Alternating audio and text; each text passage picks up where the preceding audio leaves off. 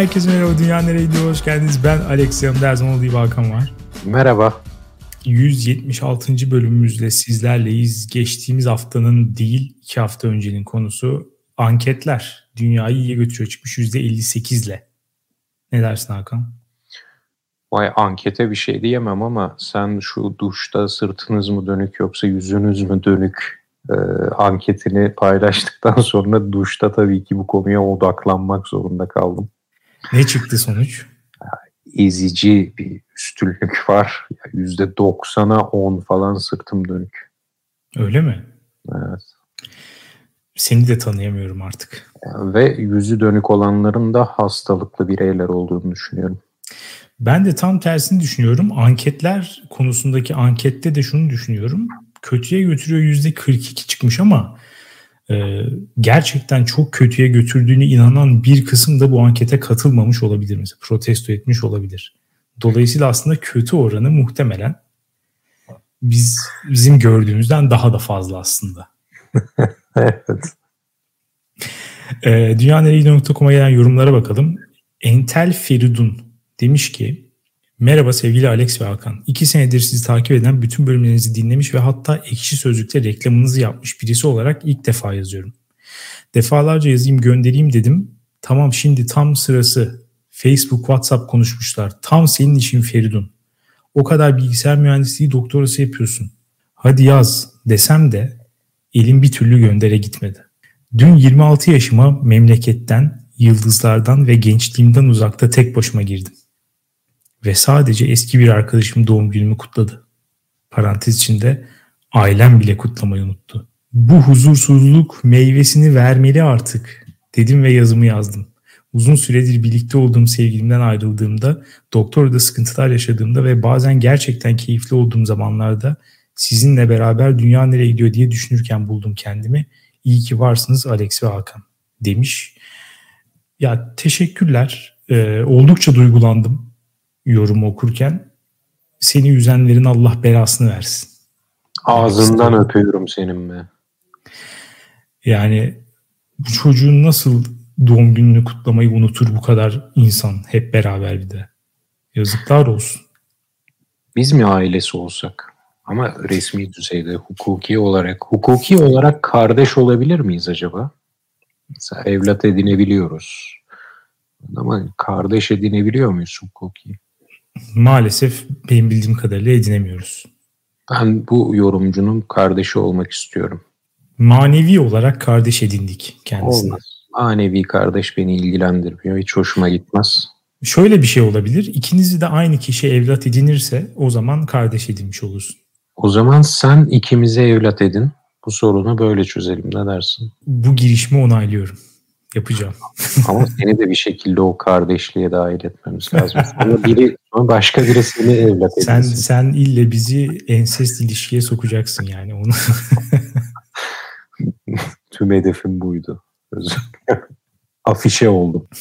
evet.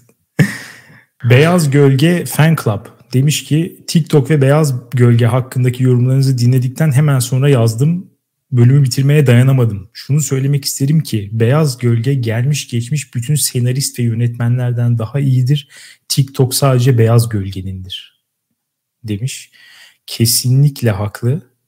Bu türün bir numarası olduğu gibi bu türü diğer türlerin de ötesine taşıyan bir özelliği var. Yani tarzını ihraç eden bir sanatçı. Beyaz Gölge'yi sadece takdirle izliyoruz. TikTok muha. Evet. Ee, Rakan demiş ki öncelikle yorumu okumadığınız için biraz kırıldım. 6 haftada tüm bölümlerinizi dinlediğimi belirttim. Rekor sandığım için en azından bir tebrik bekledim. Hatta teşekkür.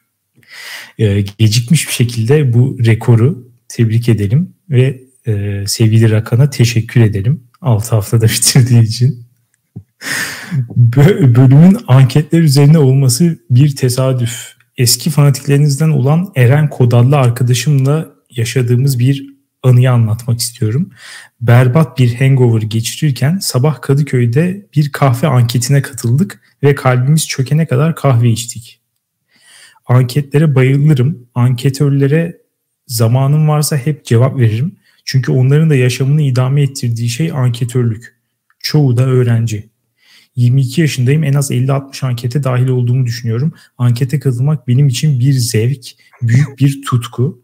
Ben ortalama bir vatandaşım.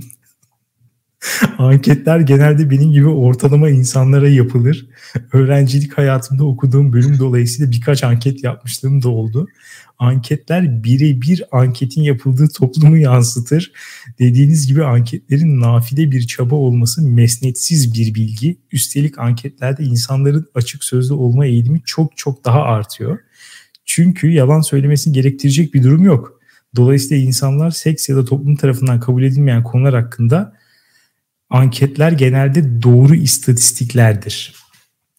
Yorumumu geçtiniz bari bu yorumu okuyun. Son zamanlarda kulağımda hep sesiniz oldu. En azından bir kez adımı duyabileyim. Teşekkür ediyorum. Seviliyorsunuz demiş. Şimdi sevgili Rakan sen de seviliyorsun ama kasıtlı olarak bu yorumu böyle okudum. Çünkü arkadaşlar bu 10-15 satırlık yorumda bir adet noktalama işareti yok. Türkçemize dikkat edelim diyorum Alex. evet sevgili Rakan'a buradan çağrımız bir dahaki bölümde yorumu lütfen tanıma işaretli şekilde alabilirsek daha iyi olur. ee, sevgili Mine demiş ki bu podcast'i dinlemesem asla duşa sırtın dönen insanlar olduğu aklıma bile gelmezdi. Demiş doğru. Suya sırtını dönene güven olmaz anketi yapmaya karar verdim. Burada anketteki soru ne anlamadım yani. Burada bir önerme var. Suya sırtını dönene güven olmaz. Gerçekten de olmaz. Ankete gerek yok. Alex anketler bize kendimizi ve toplumu tanımaya yardımcı oluyor dedin ama kendimizi anketlerden tanıyacak kadar hala tanıyamadıysak Facebook'ta bile olan iki ve daha çok seçmeli sorularla kendimizi tanıma noktasındaysak çok yanlış yerdeyiz bence. Bu şeye benziyor. İşe alımda yapılan kişilik analiz testleri ve ona güvenerek işe alan patronlar. İnternette doldurduğum tüm anketlerde özellikle tam tersi düşüncemi işaretliyorum ben eğlencesine demiş. Yani buna katılmıyorum. Mesela o ne diyor da bazen e, çok faydalı anketler oluyor.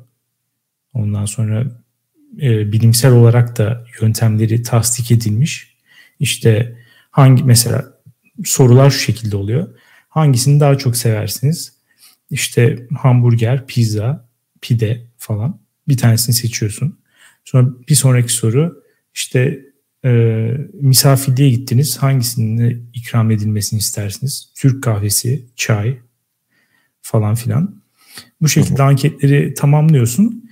En sonunda bittiğinde e, sana hangi film karakteri olduğunu söylüyor. Yani şimdi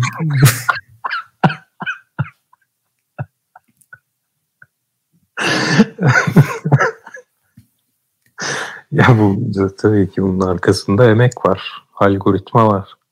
Kesinlikle. Ee, eğer bu şeyi de izlediysen, filmi, diziyi kendinin nasıl biri olduğunu çok daha iyi anlamış oluyorsun böylece. Gayet geçerli. Yani machine learning denilen şey bu. Bu, doğru. Ee, Ali Desidero demiş ki merhaba sevgili Hakan ve Alex. Hayata elektrikli şofbenle geçmiş birisi olarak yüzüm sürekli musluğa dönük. Çünkü öğrenci evinden kalma bir refleks olarak keselendiğim süre boyunca sigorta atmasın diye hep musluğu kapatırdım. Bu arada duş almak ile banyo yapmak arasındaki ayrımı merak ediyorum. Benim için duş almak saçı şampuanlayıp vücuttan bir tur su geçirmek iken banyo yapmak saçı iki tur şampuanlayıp vücuda hunharca kese atmak hatta istenmeyen kıllardan da kurtulup bal dök yala hale gelmektir. Bu iki aktivitede duş kabini içinde oluyor. İçi su dolu küvet yok. Bu konuya açıklık getirip kamuoyunu rahatlatırsanız sevinirim demiş. Ee, senle başlayalım. Benim bir fikrim var bu konuda. Hmm. Ben ilki ve ikincisini aynı kategoride sunarım açık konuşmak gerekirse. Mesela eskiden ben çift dikiş yapardım. İki şampuan, iki e, kese. Ama zaman ilerledikçe bunu teke düşürdüm ama kendimi hala banyo yapıyor sayarım. Ama küvet kısmı tabii ayrı bir boyut. Orada cinsellik devreye giriyor. Bilmiyorum e, ne dersin? Ya o ayrı ama mesela e, peki o zaman duşa ne diyorsun? Duş aldım. Dediği ya zaman ben, bir insan ne anlarsın? Ya benim için zaman ilerledikçe hayatta bu ikisi bir oldu. Yani bu ayrım kalktı benim hayatımda. Duş yapmakla banyo almak veya banyo yapmakla duş almak arasındaki ayrım bende ortadan kalktı. Ya bu arkadaşın Ali Desidero'nun söylediği şey bana birazcık ters geldi. Çünkü şöyle diyor. Benim için duş almak saçı şampuanlayıp vücuttan bir tur su geçirmek. Yani ortada bir şey yok. Sabun yok. bunu kabul etmiyorum ben. Duş almak olarak bunu asla kabul etmiyorum. Ama Bu şöyle diyebiliriz. Kadınların e, yaptığı vücuduma bir su tutucup çıkacağım diyebilir miyiz buna? Ya olabilir ama adı duş olmamalı bence. Yani başka bir şey bu yani. Su tutup çıkacağım vücuduma. Evet. Benim anladığım şey bu değil yani. Benim anladığım duş almak şöyle olur. Saçını şampuanlarsın, yıkarsın bir tur. Bir de e, böyle lif, kese bilmem ne falan olmadan duş jeli ya da sabunla yıkanırsın. Bu.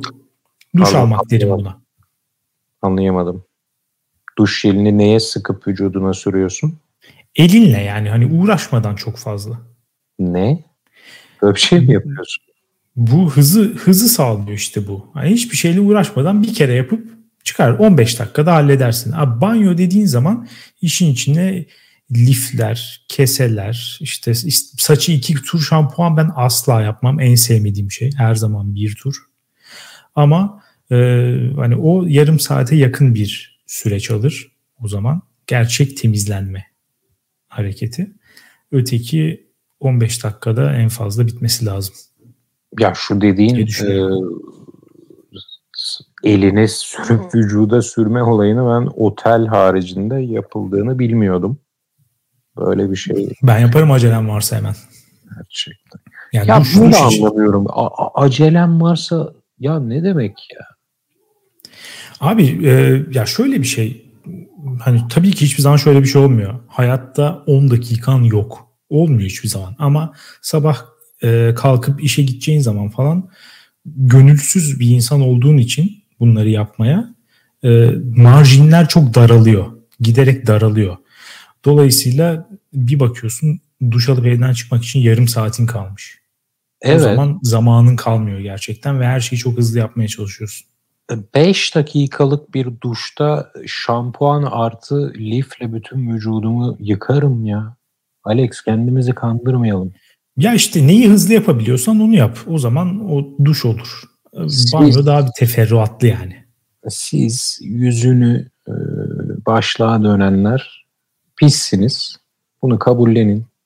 Böyle acelem vardı şununla bununla bunlarla geçiştirmeye çalışmayın. Banyomuzu kirletmeyin banyo kültürümüzü. İki konunun birbiriyle maalesef hiç alakası yok. Yani Düzgün. onu söyleyeyim. Başka birçok yorum var ama biraz da uzadığı için kusura bakmasın arkadaşlar. Burada yorum okumayı bırakıyorum. Ee, borcumuz olsun. Benim yorumumu geçen hafta okumamıştınız yazarsanız haftaya okuruz. Alacaklı gibi kapımıza dayanabilirsiniz yani diyerek bu haftanın konusuna geçelim Hakan. Geçiyorum Alex. Bu haftanın konusu sıkılmak. Evet. Bunu neden daha önce konuşmadık diye merak ettim. Açık konuşayım.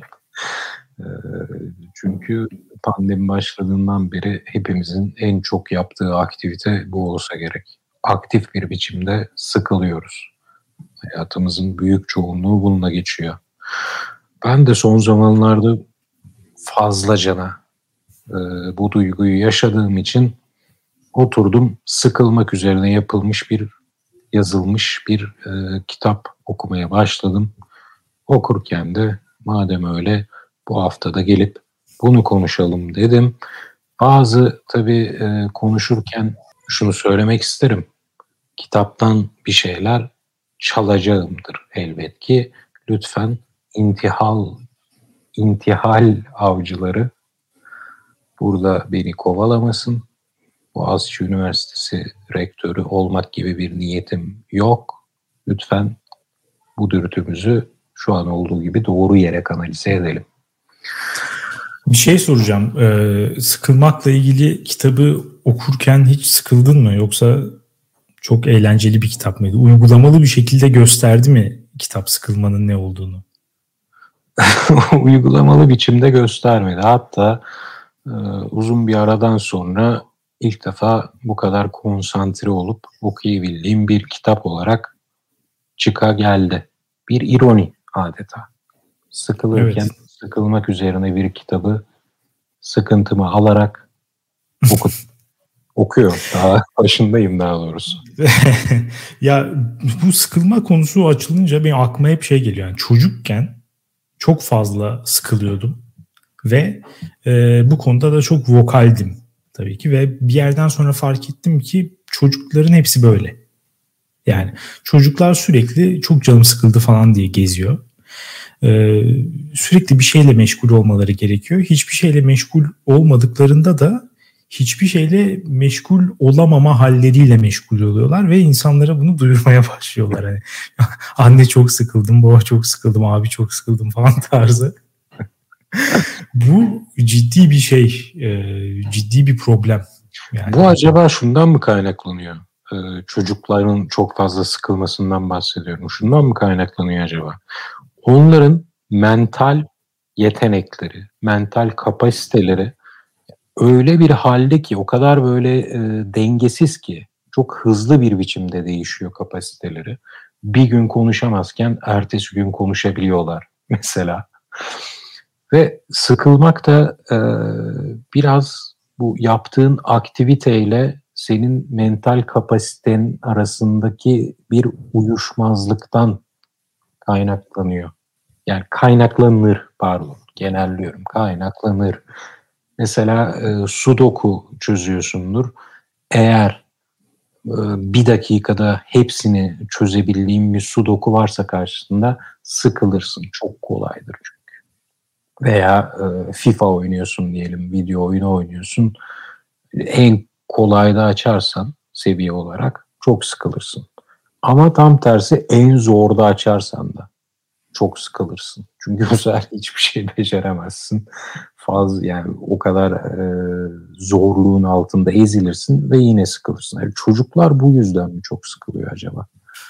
Öyle bir yani onlara göre tam onların mental kapasitesini karşılayacak, onları angaje edecek bir aktivite dünya üzerinde yok. Oyunlarla bulmaya çalışıyoruz. Bir oyun geliyor 2-4 yaş arası.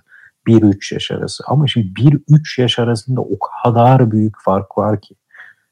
Oyun endüstrisi, çocuk oyunları endüstrisi bunun üzerine dönüyor herhalde. Tam onlar için fit oyun bulmak. Evet. Ya bunun bence kesinlikle etkisi var ama biraz şunu da e, iki tane faktörün daha bence etkisi var. Bir tanesi yetiştirilme tarzı. Yani etrafındaki çocuklardan falan da görmüşsündür. Çocukların e, sıkılmasına demeyeyim sıkılma ihtimaline bile izin verilmiyor zaten. Yani herhangi bir uyaran yoksa ortada çocuk meşgul değilse boş duruyorsa illaki bir şey yap, yaptırılıyor ona. Yani çocuğun kendi halinde kalmasına hiçbir şartta ve hiçbir süreyle izin verilmiyor. Dolayısıyla çocuk bu kadar fazla uyaran bombasına alışkın bir şekilde büyüdü. Hele şimdi düşün. Eskisi gibi de değil artık hani şeyler de teknolojik aletlerle de çok fazla haşır neşir çocuklar en küçük yaştan beri. Ee, yani her saniye bir eğlence ile dolu.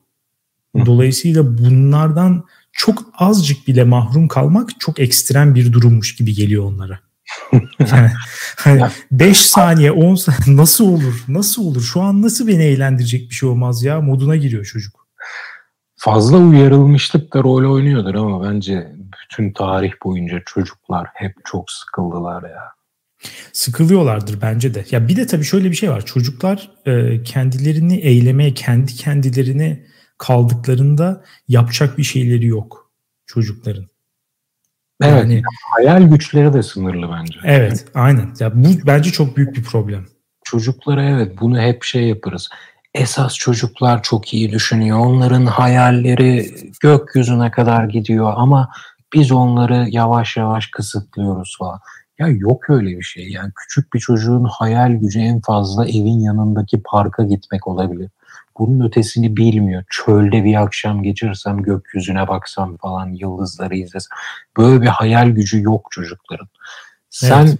evde bomboş otururken yani dışarıdan bakan bir göz bomboş oturuyor hiçbir şey yaptığı yok ne kadar sıkılıyordur dese bile sen o sırada zihninde bambaşka yerlere gitmiş hayal gücünü kullanıp bambaşka şeyler düşünüyor ve sıkılmıyor olabilirsin. Çocukta bu yok. Evet. Yani kapasite gelişmemiş. Yavru köpek gibiler. Yavru köpekler de böyle sürekli ha benle oynayayım bir şey yapalım mı? Ağzı açık, dili dışarıda gezer ya. Çocuklar da öyle. Evet yani soyut konseptlere de hakim olmadıkları için e, ciddi zorlanıyorlar bence de kendi kendilerine vakit geçirmekte ama bir miktar da bence e, izin verilmesi lazım çocuklara. Yani bence çocuk yetiştirilirken bu yönde bir hata yapılıyor gibi geliyor bana. Çok fazla hani üstüne düşüp çok her saniyesini doldurma. Yani bu çocukların ileriki dönemde birazcık e, işte monotonluğa, kendi kendine kalmaya, e, işte ve genel anlamda insanın canının sıkılmasına alışık bir şekilde yetişmemelerine sebep oluyor. Yani şey insanlar sonrasında mesela çocukken biraz daha ihmal edilmiş insanlar, biraz daha belki yalnız büyümüş insanlar sonrasında da bu durumu idare etmekte çok daha mahir oluyorlar. Ha. Bu arada çocuklardan gideyim madem. Çocukların sıkılmasının bir sebebi de amaçsızlıkları olabilir belki. E, tabii ki. Evet. ileride bir şey yok. ya evet amaçsız kalmış bir insan sıkılır. Yani bir şey yaparken ma bunun sonunda da hiçbir şey elde etmeyeceğim. Of ya bu ne kadar boş bir şey ee, diye hissedersen maalesef geçmiş olsun. Ama kendi hedef koyup o yolda ben seçimler yapıyorum. Hayatımı e, yazıyorum şu an. Hay şu an hayat hikayemi yazıyorum. diye düşünebiliyorsan sıkılmıyorsundur muhtemelen. Böyle insanlara hayran değil misin Alex? Kendi hayat hikayesini yazan. Yani kesinlikle hayranım tabii ki. Ben kendimi şey gibi hissediyorum. Ee, bazen çöp torbası rüzgara kapılıp havada oradan oraya uçuşur ya. Evet, American Beauty filmindeki sahne gibi. Ah, şu an gözümün önünden geçiyordu ama o neydi? Bir müzik klibi miydi? Neydi falan diye düşünüyorum. evet, aynen onun gibi.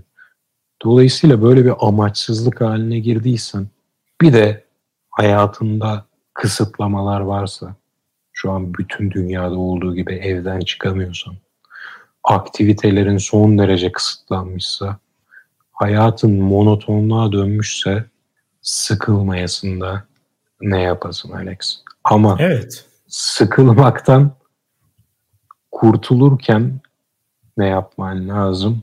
Onu bilmiyorum. Bunu bence zaten hiç konuşmayalım. Çünkü sıkılan bir insana şunu demek kadar saçma, abes bir şey olabilir mi? Ha şunu yap işte. Bunu yap işte. Onu bırak. Bazen adressiz söylüyorlar. Mesela hani sıkılıyorsun diyelim ki tamam git bir şeyler yap. hani en azından senin dediğinde yani hiç değilse bir öneri var. Ama git bir şeyler yap. Sıkılan insanın aklına gelmemiş olabilir mi abi? Böyle birisi var mı yani? Dünyaya şu an inmiş olması lazım yani. Hayata şu an gelmiş olması lazım.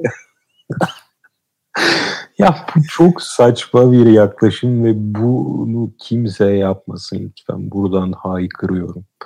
Çünkü sıkılmaya has durum şu. Sen zaten bir şeyler yapmak istiyorsun ama aklına gelen her şey sende bir istek uyandırmıyor. Yani sıkılmak eşittir şu hal.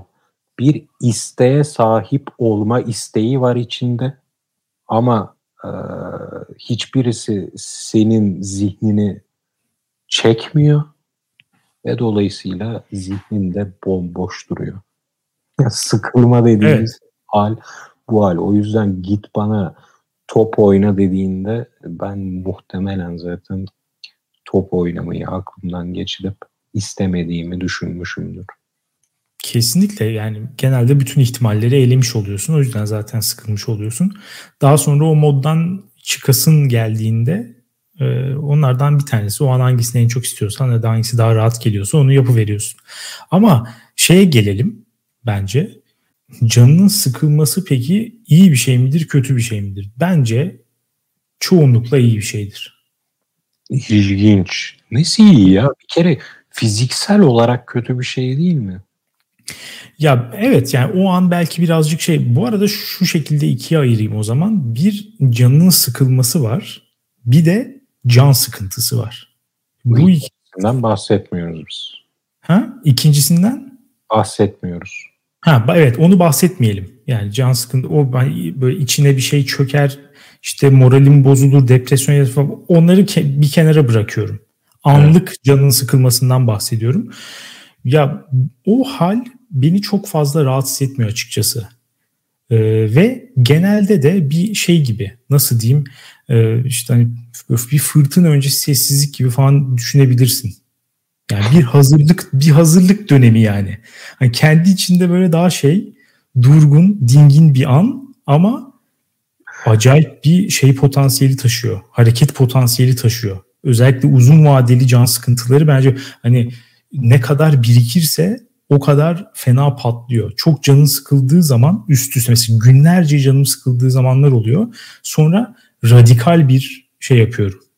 Radikal bir karar alıyorum şunu yapacağım diye ve genelde hoşuma giden şeyler böyle çıkıyor. Evet, bu bir vesile olma halidir yani. Örneğin bu şey de öyle mesela. Şu an yaptığımız podcast de öyle.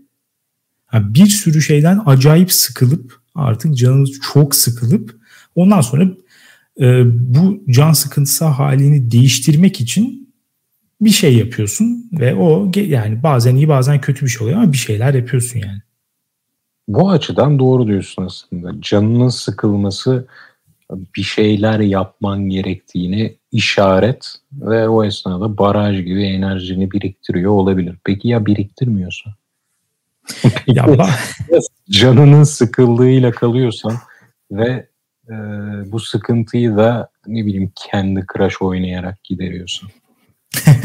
ya onunla da bence barışmayı öğrenmek lazım. Yani çok da fena bir şey değil bence.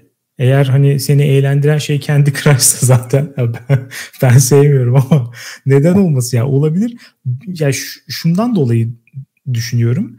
Ya şu hal iyi bence. Canın sıkıldığında daha genelde daha dingin bir insan oluyorsun ya. Hareketli bir şey değil can sıkıntısı. Durgun bir şey. Diyorsun, sanki biraz huzursuz bir şey gibi geliyor canın sıkılınca huzursuz olmuyor musun? Bir şeyler yapasın geliyor ama hiçbir şey canını çekmiyor. Ben öyle bir hayal, hal hayal ediyorum. Doğru söylüyorsun. Bazen öyle oluyor. Ama bazen de ya şöyle e, benim giderek artık daha huzurlu hale geldi canımın sıkıldığı anlar. Ya eskiden çok daha fazla şey vardı böyle. Hani canım sıkılıyorsa acilen bu durumu değiştirmem lazım. Ya hemen bir şeylerle e, eğlenmem lazım, mutlu olmam lazım, bir şeylerle meşgul olmam lazım falan. Hakikaten şeyin yaşlanmanın getirdiği en iyi özelliklerden bir tanesi bence. Kendi özelimde söylüyorum. Ee, hani kendi kendime kalmaktan, vakit geçirmekten, o kafa, o anki o kafa mesela şu an canım sıkılıyor. Evet, hani şu an bir şey yapmıyorum. Ama bundan da o kadar da rahatsız hissetmiyorum artık. Alex sen ermişsin. Seni acilen Hindistan'da bir tapınağa postalayalım. Abi bu bir rahatlık getiriyor gerçekten insana. Hayır bunun bu arada bence yaşlılıkta falan falan alakası yok. Sen gerçekten de ermişsin. Ya, bunu yapmaya çalışıyor şu an. Mindfulness e, aplikasyonları, aplikasyonları, anda yaşamaya çalışma falan. Evet Dediğim şu an anda mısın? Evet, şu an anda canın acayip sıkılıyor mu? Şimdi onu sahiplen. bu arada sahiplenme de boşuna çıkmadı bence ağzımdan. Yani düşünerek çıkmadı ama boşuna da çıkmadı bence. Çünkü insan canı sıkılırken biraz o e, karar veremiyor ya. Hı hı bedenin senin sahipliğinde değilmiş hissi de geliyor. Zihnin hatta senin sahipliğinde değilmiş gibi. Karar veremiyorsun çünkü. Evet yönetemiyorsun yani, durumu. İrade yok sende o an. hiçbir şeye karar veremiyorsun. Dolayısıyla savrulup duruyorsun. Evet maalesef öyle. Peki şuna ne diyorsun? Biraz daha bu e, can canın sıkılması biraz daha e, modern bir konsept gibi geliyor bana. Da, ya şu açıdan her zaman tabii ki insanların canı sıkılıyordu hatta muhtemelen eskiden insanların canı bize göre çok çok daha fazla sıkılıyordu. Netflix yani yoktu. Evet yani geriye gittikçe tahminen insanlar çok daha fazla sıkılıyordu. Ama e, ileriye geldikçe de insanlar giderek daha fazla sıkılmaktan çekinmeye başladı, korkmaya başladı ve e, sıkılmamak için daha fazla uğraşmaya başladı. Yani 1800'lerdeki bir insan çok daha fazla zamanını sıkılarak geçiriyordu. Ama bundan ne bizim kadar rahatsız oluyordu ne de bunu elimine etmek için bizim gibi götünü yırtıyordu. O kabul etmişti bu durumu. Başka bir ihtimal yoktu yani onlar için biraz. bir şey değil mi? Ee, şu söylediğinde bir şeye katılıyorum, bir şeye de katılmıyorum. Hı hı. Katılmadığım kısım 1800'lerdeki insanın daha çok sıkıldığı. Sıkılmıyor mudur diyorsun? Bence sıkılmıyordur. Bence insanlığın sıkılma kapasitesi tarih boyunca aynı. ilerliyor. Çünkü evet Netflix yoktu o zamanlar ama yani insan dehası onu da bir şekilde sıkılma aracı kılabiliyor. Yani şu an şeyi düşün. Netflix açıyorsun, film arıyorsun. Hepsini geçiyorsun. Bunu mu izlesem? Of, canım istemedi. Şunu bir saat film ararken canın sıkılıyor. Huzursuzlanıyorsun. Yani, evet. Yani Netflix'i de bir şekilde sıkılmamıza katabiliyoruz. Adaptasyon. İnsan adaptasyon yeteneği en yüksek hayvan. Buyurunuz. Bu dediğine kesin katılıyorum. Ee, bir de şu açıdan da ya mesela şöyle düşünelim. Şimdi zengin insanlar, imkanı çok olan insanlar ve yapacak çok da fazla işi olmayan insanlar mesela e, bu işte sıkılmaktan kaçmayı en dorukta yaşayan insanlar. Mesela Acun Ilıcalı'nın geçen bir röportajı vardı. Gördün mü onu? Yok. İşte ben dili dolu bir insanım. Atlar uçağa öğle yemeğini bir bilmem nerede yerim. Oradan İngiltere'ye gider akşam yemeği yerim. Türkiye'ye gelir kahvaltı yaparım falan. Böyle ben, konuşuyor. Ben deli dolu değil ben zengin bir insanım niye başka daha doğru olurum. Evet. Şimdi ya bu imkanı olan insanlar bizden de fazla kaçıyor ama ya tam anlamıyla kaçmak imkansız. Senin dediğin şey o açıdan çok doğru. Yani ne yaparsan yap hep yaptığın bazı şeyler diğerlerinden daha sıkıcı olacak ve yaptığın şeylere sen alıştıkça çıtayı yükselttikçe onun altındaki şeyler daha sıkıcı hale yani bu uyuşturucu gibi gerçekten. Dozu arttırdıkça alışıyorsun ve asla sonu yok. Yani dolayısıyla hayatında eğer sıkılmaktan kaçarak geçiriyorsan bunu hiçbir zaman başaramayacaksın. Adapte oluyorsun yeni duruma dediğin gibi ve artık bu sefer uçakla öğle yemeğine gitmek sıkıcı var. Şimdi bana söylese aa işte kötü yani niye yapayım diyorum bir yandan ama sonuçta heyecanlanırım. Ama abi 10 kere yapsan 11. de hiç heyecanlanmazsın.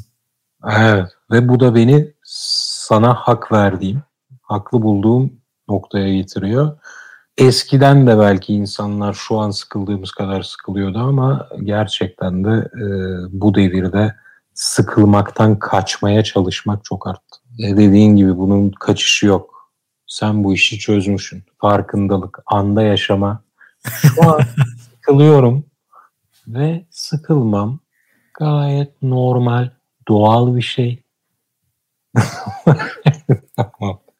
Şu an gitgide bir mindfulness app'teki konuşmaya başladım. Özür diliyorum. Ama Alex'e bu konuda kulak verin. O Hindistan'da Bhagat Vida öğretisini çalışarak geldi ve bize az önce bilgeliğini aktardı. Bu arada ben hakikaten ekstra hiçbir şey yapmadım yani. Yıllar içinde böyle bir insana dönüştüm kendi kendime. Yani ekstra bir hani çabam olmadı.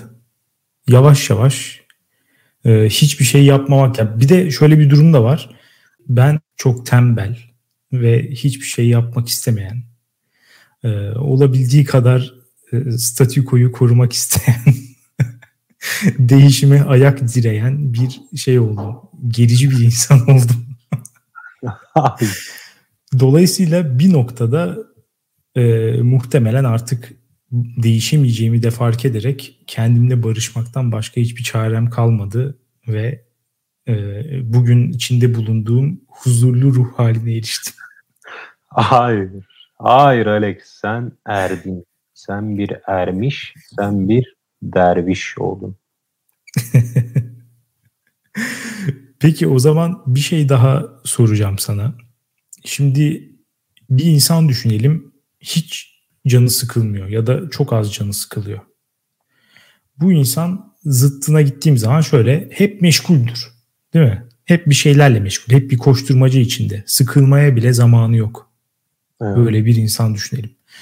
Şimdi böyle bir insanla mı bir e, akşam yemeğine ya da bir muhabbete gitmek istersin? Yoksa e, sıkça sıkılan biriyle mi takılmak istersin? Ben kesinlikle ikinciyi seçiyorum. Çünkü benim gördüğüm kadarıyla bir insan kendi ne kadar az sıkılıyorsa etrafındakileri o kadar fazla sıkıyor. İçindeki o sıkılmayı ihraç ediyor onlar. Ortamın içine sıçarak herkesi sıkıyor ama kendi asla sıkılmıyor. Kusura bakma Alex ama ben kesinlikle hiç sıkılmayan insanla yemeğe çıkmak isterim. Ya sen beni dinlemedin galiba. Ben çok sıkılıyorum. Dolayısıyla karşıma bir de benim gibi bir sıkılan insan oturursa katmerlenir. Duble sıkılırız. O yüzden hiç işim olmaz. Buna karşılık seni senin neden sıkılan insanla yemeğe çıkmak isteyeceğini e, tahmin edebiliyorum. Sen çünkü yemeğin yüzde sekseninde telefonunda takılacaksın. Twitter'da takılacaksın. Bense bu insanla yemeğe çıkarken onunla vakit geçireceğimi hayal ediyorum. O yüzden hiç sıkılmayan insanı tercih ediyorum. Ya burada senin dediğinde şöyle bir yanılgı var bence. Bu yanılgı bir ön yargıdan kaynaklanıyor. O da şu. Kendi eğer sıkça sıkılan bir insansa gelir karşıda yemekte ya da muhabbette işte yani böyle şey yapar, konu açamaz. Öyle sıklım pıklım benim de canımı sıkar. Ben zaten sıkılmaya müsaitim. O gelir iyice bu aurayı. Bu böyle olmuyor bence. Bu tam tersi oluyor. E, yani gerçekten ne relasyon var? Kişi ne kadar kendi kendineyken sıkılıyorsa o kadar da başkalarıylayken eğleniyor ve coşturuyor Tam tersi hiç sıkılmayan insanlar da genelde biraz kusura bakmasınlar onlar biraz daha sığ insanlar gibi. ee, çok daha böyle basit heyecanların peşinden koşan insanlar. Bunlarla benim işim olmaz. Yani o karşıma geldiğinde e, mümkün değil açıkçası. O yüzden ben e, onlarla bir arada olmak istemem. Bence sıkılan insanlar daha e, iyi ve şöyle diyeyim onlar antrenmanlı olduğu için sıkılmaya karşı bir arada olduğumuz zaman eğer sıkılırsak ne yapacaklarını daha iyi biliyorlar. Dedi Zerdüşt. ee, Valla toparlayalım istersen. Evet. Başka çaremiz de yok gibi gözüküyor. İnşallah bölümü dinlerken sevgili dinleyicilerimiz sıkılmamışlardır. Dünyanereyegidiyor.com'a e, her türlü yorumunuzu bırakmanızı tavsiye ediyoruz. Biz okuyamayacak olsak da, daha doğrusu bölümde sesli olarak okuyamayacak olsak da kendimiz hepsini okuyoruz. E, dolayısıyla lütfen yorumunuzu bırakın. Hayal kırıklığını sahiplenin. evet. O da sizin bir parçanız. Bırakın aksın içinizden parmaklarınıza, kasıklarınıza doğru usul usul süzülsün. Bundan sonra şey değiştiriyoruz. E, janra değiştiriyoruz. Erotic mindfulness. Evet aynen. Her neyse dünyaneregidiyor.com'a bütün yorumlarınızı ve ankete oyununuzu bekliyoruz. Dinlediğiniz için teşekkür ederiz. Haftaya salı görüşürüz. Güle güle.